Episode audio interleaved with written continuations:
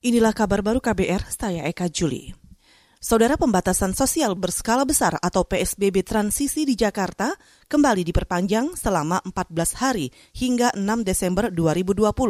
Gubernur DKI Jakarta Anies Baswedan melalui keterangan tertulis mengatakan, perpanjangan PSBB diputuskan karena lonjakan kasus COVID semakin tinggi. Selama dua pekan terakhir, tercatat penambahan kasus aktif hampir menyentuh 5 persen. Pada Sabtu pekan lalu, Jakarta mencatatkan rekor baru kasus positif yang mencapai 1.500-an kasus. Selain itu, tingkat penularan juga meningkat dari 1,4 menjadi 1,6 persen. Anies mengimbau agar warga semakin waspada dan disiplin protokol kesehatan.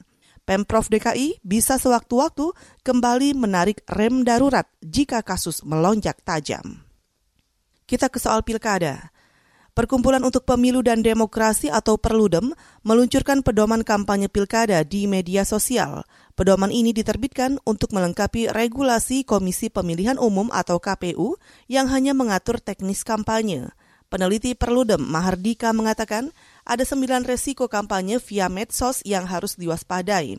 Hal ini berdasarkan hasil kajian dari Perludem bersama lembaga lain yang tergabung dalam koalisi untuk etika media sosial ya kami mengidentifikasi sekitar 23 risiko begitu. Kemudian mengerucut lagi menjadi 17 setelah itu kami melakukan diskusi awal juga dengan beberapa pihak ada waktu itu ada KPU RI, ada dari Bawaslu, beberapa eh, organisasi masyarakat sipil, media, platform media sosial juga kami ajak untuk berdiskusi dan dari diskusi itu kami mengerucutkan risiko-risiko itu menjadi sembilan risiko prioritas yang kami nilai rentan terjadi selama Pilkada 2020 ini. Peneliti Perludem Mahardika juga menambahkan, Sembilan resiko itu di antaranya kabar bohong atau hoax, berita palsu, dan disinformasi.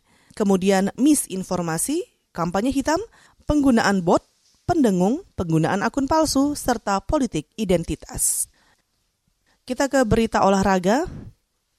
Petenis Rusia Daniel Medvedev menjuarai ATP Finals 2020. Di partai puncak Senin dini hari, Medvedev mengalahkan petenis Austria Dominic Thiem dalam laga ketat 3 set 4-6, 7-6, dan 6-4. Kedua pemain menampilkan permainan terbaik sepanjang laga. Mereka berani beradu rally panjang dengan pukulan keras dan garis belakang. Medvedev kehilangan set pertama karena banyak melakukan kesalahan sendiri. Namun ia berhasil membalik keadaan dengan memenangi game kedua lewat tiebreak 7-2. Di set penentuan, Medvedev makin tak terbendung dan keluar sebagai pemenang. Gelar ini menjadi yang pertama bagi ia di turnamen ATV Finals. Saudara, demikian kabar baru. Saya Eka Juli.